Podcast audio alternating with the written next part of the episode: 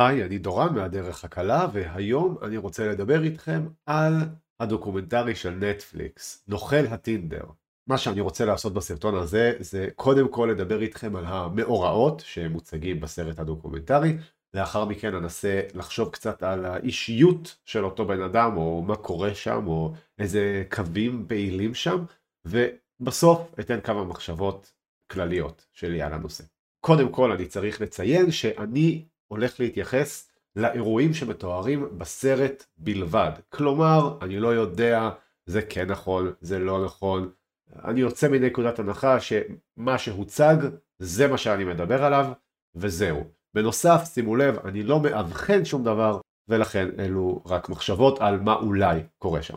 אז הסיפור הוא על אדם בשם שמעון חיות, שמשנה את השם שלו לסיימון לוייב, אותו אדם הוא פעיל בטינדר, שזו אפליקציית היכרויות, למי שמשום מה לא מכיר, ואותו אדם פוגש בנות בטינדר, מציג אה, אורח חיים מאוד מאוד מאוד עשיר וגרנדיוזי, קונה אותם ומרשים אותם באמצעות העושר המופרז שלו, ולאט לאט מנצל אותן ולמעשה גונב מהן כספים או מבקש מהן להעביר לו כספים אה, עד שהן מבינות uh, שמדובר בתרמית וזה כבר מאוחר מדי והן כמובן כבר בחובות רציניים בגלל אותו בחור.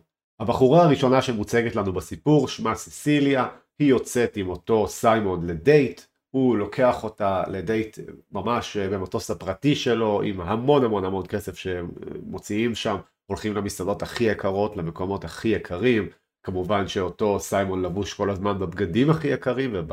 ציוד הכי יקר. אותה סיסיליה מתאהבת בסיימון והוא לאט לאט מכניס אותה לעולם שלו והוא מספר לה שהוא בעסקי היהלומים, שהוא הבן של לב לוייב המיליארדר, הוא מספר לה שהוא בצרות כי יש אה, אויבים בתעשיית היהלומים ושיש שם הרבה מזימות ואלימות ובאחד מן הימים בלילה הוא שולח לה הודעות באמצע הלילה ותמונות על כך שניסו לדקור את פיטר, שזה אה, אה, שומר הראש שלו כביכול, אה, שולח תמונות עם דם, אומר שהוא ניצל בנס, ומאוד מאוד מבהיל את אותה סיסיליה. הוא אומר שבגלל שיש סכנה לחייו, הוא לא יכול להשתמש יותר באשראי שלו ומבקש להשתמש באשראי שלה. היא מרגישה שחבר שלה, בן הזוג שלה בסכנה, והיא כמובן מביאה לו את האשראי, היא גם אה, לבקשתו מוציאה סכומים גדולים מאוד של כסף אה, במזומן וטסה לפגוש אותו כדי להעביר לו את הכסף. היא לוקחת הלוואות מתשעה בנקים שונים בשביל לממן את, ה...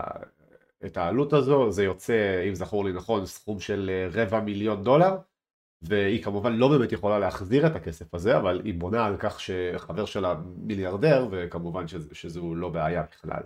אה, הוא משתמש באשראי שלה, כל הזמן אה, אה, יוצא מהמסגרת שלו, היא כל הזמן צריכה להתקשר לבנק ולהרחיב את המסגרת ולהסביר להם שזה בסדר, עד שבסוף הוא נעלם לה, הוא אומר שהוא מחזיר, יחזיר לה את הכסף, הוא שולח לה צ'ק, הצ'ק כמובן לא עובד, וככה היא מבינה לאט לאט שהרימו אותה. כשהיא מבקשת להיפגש עם חברת האשראי, היא מספרת להם את הסיפור, מראה להם תמונות שלו והיא מבינה שהבחור הזה כבר מוכר לחברת האשראי מכיוון שהוא ביצע אה, אה, הונאות דומות אה, בעבר והוא מוכר לחברה.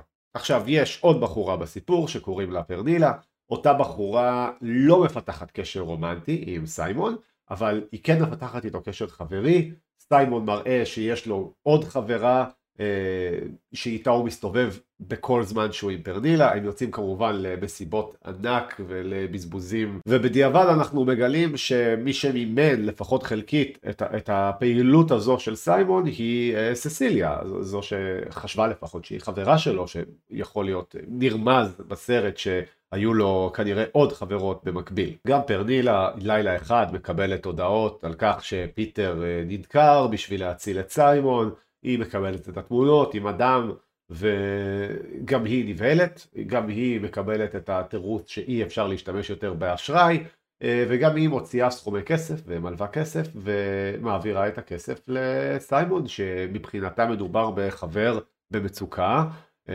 שהיא הייתה מאוד מאוד מוטרדת והרגישה שהיא חייבת לעזור לו. באותו זמן עיתונאים שחקרו את המקרה של ססיליה הגיעו לפרנילה מכיוון שהם ראו את השם שלה מופיע בפירוט האשראי של ססיליה. כלומר ססיליה מימנה כרטיסי טיסה לפרנילה בלי לדעת את זה, זה הופיע בפירוט האשראי ולכן אה, החוקרים הצליחו להגיע אליה. אה, היא פחדה להתעמת איתו, היה שם איזשהו עניין, הוא, הוא הבטיח שהוא יחזיר לה כמובן את כל הכסף שהיא החזירה לו, שהיא הביאה לו, אה, הוא הביא לה את שעון הרולקס היקר שלו כדי שהיא תוכל למכור אותו, אבל השעון התברר כזיוף.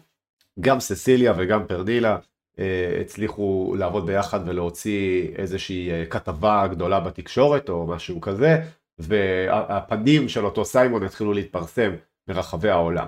בשלב הזה של הסיפור בחורה בשם איילין ראתה את התמונה של סיימון באינטרנט בתור נוכל הטינדר והבינה שזו בעצם התמונה של חבר שלה כי סיימון כנראה באותו הזמן אה, היה גם חבר של איילין ושוב אני לא יודע של עוד כמה נשים אם בכלל. באותה כתבה הופיעו הסרטונים שסיימון שלח והתמונות של פיטר עם אדם ואיילין זיהתה את התמונות האלו והבינה שאותו סיימון שלח את התמונות האלו גם לה וצילם לה ממש את אותם סרטונים או שלח לה את אותם סרטונים בדיוק וזה היה המצב, היא הבינה שחבר שלה הוא בעצם אה, סוג של נוכל. גם היא הוציאה הרבה מאוד כסף בשביל לתמוך בסיימון, גם היא מימנה אותו, הם היו אגב יותר משנה ביחד והיא החליטה שבשביל להתנקם בו ולהחזיר לעצמה חלק מהכסף, היא תגיד לו שבשביל לשלוח לו כסף, היא תיקח את הבגדים שלו, בגדים מאוד יקרים, תמכור אותם, והיא תגיד לו שהיא תחזיר לו את הכסף, אבל בעצם היא תשמור אותו לעצמה. וכך היא אכן עשתה.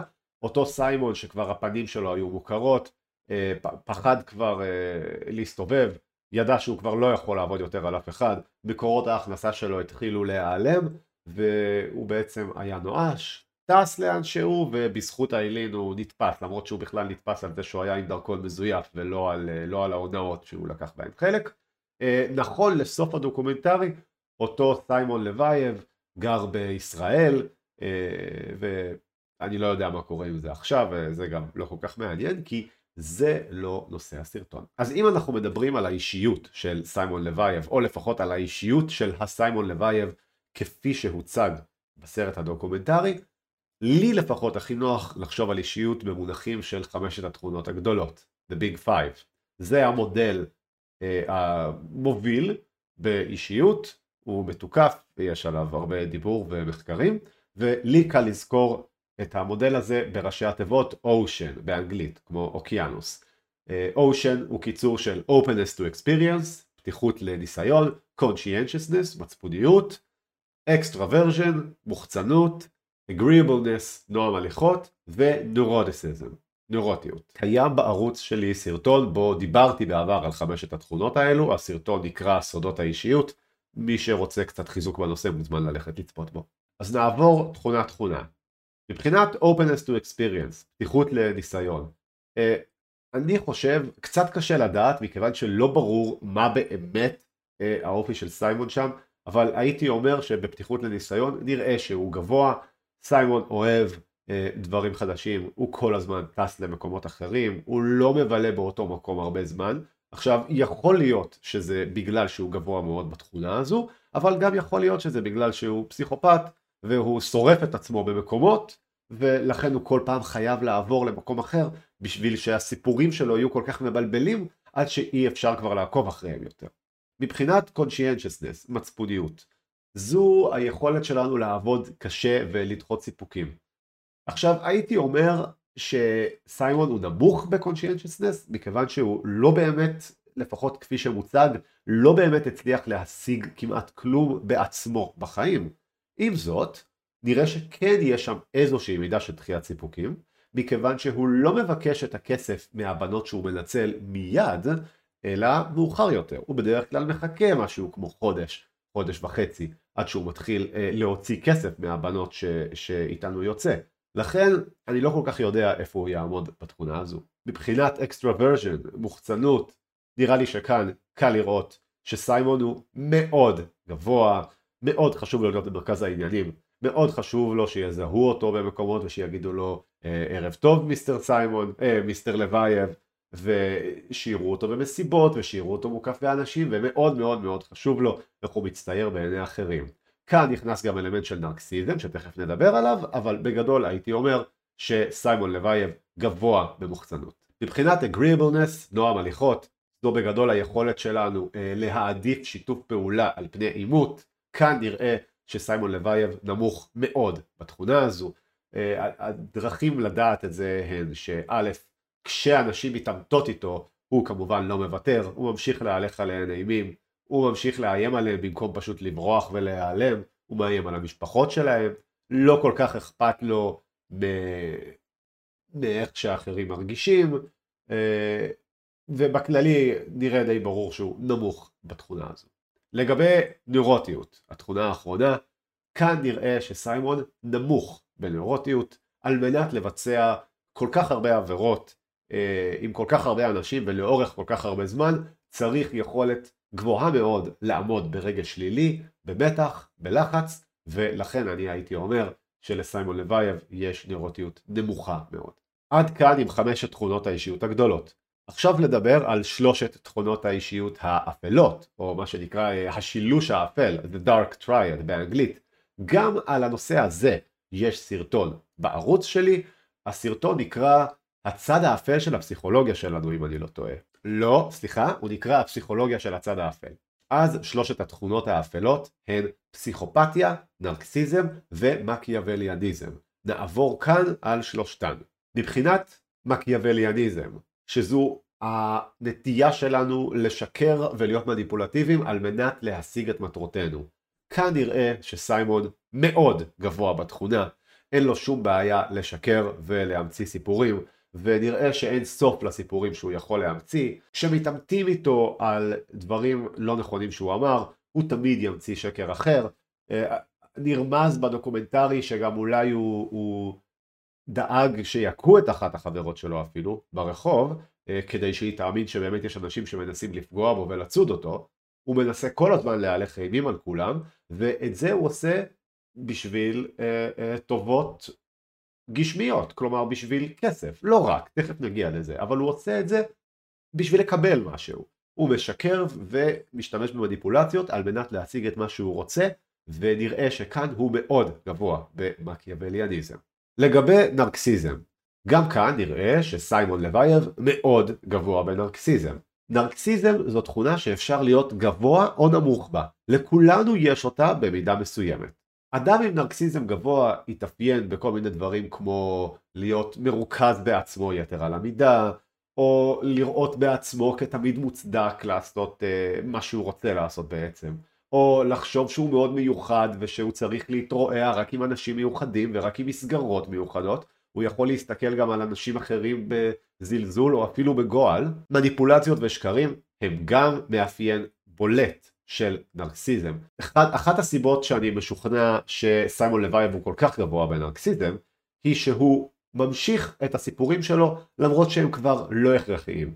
למשל, יש דרכים הרבה יותר טובות לגנוב כסף מאשר להתחזות למיליארדר. אבל נראה שסיימון לוייב נהנה מהמעמד, נהנה מהיחס שהוא מקבל, נהנה מהסרט הזה שהוא יוצר סביבו, אחרת הוא אולי פשוט היה גונב כסף. הוא לא היה צריך את כל השואו הזה, הוא לא היה צריך לחיות את החיים האלו. כל פעם הוא מספר דברים אחרים, לפעמים שהוא טייס, לפעמים שהוא סוכן מוסד, לפעמים שהוא עובד בתעשיית הנשק, לפעמים שהוא עובד בתעשיית היהלומים ושהוא בן של מיליארדרים, אבל לכולם משותפת הגרנדיוזיות. ולכן אני חושב שיש פה אלמנט נרקסיסטי חזק מאוד ומסוכן מאוד. נרקסיסטים הרבה פעמים לא רואים בשקר שלהם ככל כך חמור. הסיבה לכך היא שהם לא בדיוק משקרים. מבחינתם הם מספרים את האמת כפי שהיא צריכה להיות. כלומר הם עושים סוג של טובה לבן אדם שהם שיקרו לו.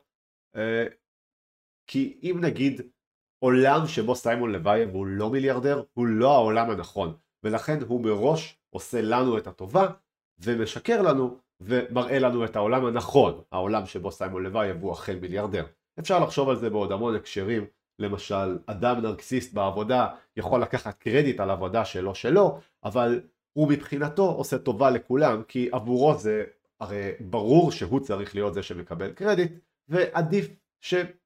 המציאות הזו, עדיף לכולם בעצם שזאת תהיה המציאות, זו המציאות uh, כפי שהיא צריכה להיות. לגבי התכונה השלישית, אני ראיתי אומר שסמואל לוייב די גבוה בפסיכופתיה.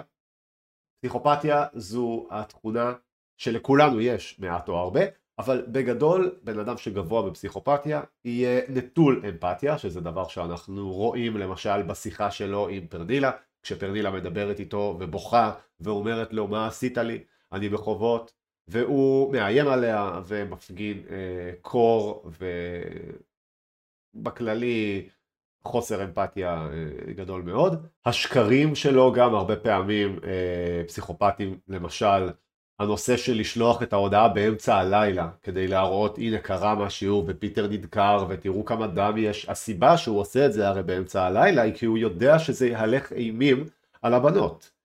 זה הרבה יותר יעיל לעשות את זה באמצע הלילה וכמובן שאין לו שום בעיה לעשות את זה או לפחות כך נראה. כמובן שגם אין לו בעיה לצאת עם כמה בנות במקביל אין שום מחשבה על נושא הבגידה או על נושא הרגשות שלהן או על מה שאולי זה עושה להן. אין לו שום בעיה להכניס בנות לחובות שהוא יודע שהן כנראה יהיו בהם אה, במשך כל חייהן. ואני חושב שמהסיבה הזו אפשר להגיד שסיימון לוייב הוא די גבוה בפסיכופתיה. כשמדברים על שלושת התכונות האפלות, לפעמים נהוג להפוך את זה לארבעת התכונות האפלות ולדבר גם על סדיזם, כלומר הפקת עונג מלגרום לאחרים כאב. כאן אני חייב להגיד שאני לא חושב שסיימון לוייב הוא סדיסט במיוחד, לפחות לאור מה שהוצג בסרט הדוקומנטרי, לא מצאתי רמזים לכך שהוא מסב עונג מהפגיעה עצמה. אה, אם אנשים שמסבים עונג מהפגיעה עצמה היו עושים את הפעולה בשביל לפגוע, ולא נראה שסיימון לוייב עשה את הפעולה בשביל לפגוע, אלא יותר בשביל לממש איזושהי פנטזיה שלו, וכמובן בשביל לפרנס את עצמו. אז יש פה עניין ברור מאוד בשקרים ובמניפולציות האלו, אבל העניין הזה הוא לא נראה לי עניין סדיסטי, אלא עניין אה, יותר נרקסיסטי. עכשיו תראו, כמובן שמדובר פה במקרה קיצון, אבל אני חושב, בעצם אנחנו יודעים, שנרקסיסטים ופסיכופטים מסתובבים בינינו, ולי יצא באופן אישי לפחות בחיים להיתקל אה, בכמה וכמה כאלו. ואנחנו תמיד לא מאמינים למה שאנחנו רואים כשאנחנו מבינים שבני אדם יכולים להתנהג ככה, אבל חשוב שנדע את זה, חשוב שנדע שיש אנשים בעולם שמסוגלים לעשות דברים כאלו, ו- והם הרבה פחות מעט משהייתם חושבים. האם זה אומר שצריך לא לסמוך על אף אחד? אה, לא, בהחלט זה לא מה שאני אומר, אבל אנחנו כן צריכים לשים לב שאנחנו לא מנוצלים, וכמות האנשים בעולם שמסוגלים לנצל אותנו, שמספיק גבוהים בנרקסיזם, או בפסיכופתיה, או בסדיזם, על מנת לנצל אותנו, אה, המספר הזה הוא לא מבוטל בכלל. אז לכן אני מציע אה, שננהג בזהירות ושימו לב למאפיינים נרקסיסטיים ופסיכופטיים באנשים שאתם בקשר איתם. שיהיה יום טוב ולהתראות.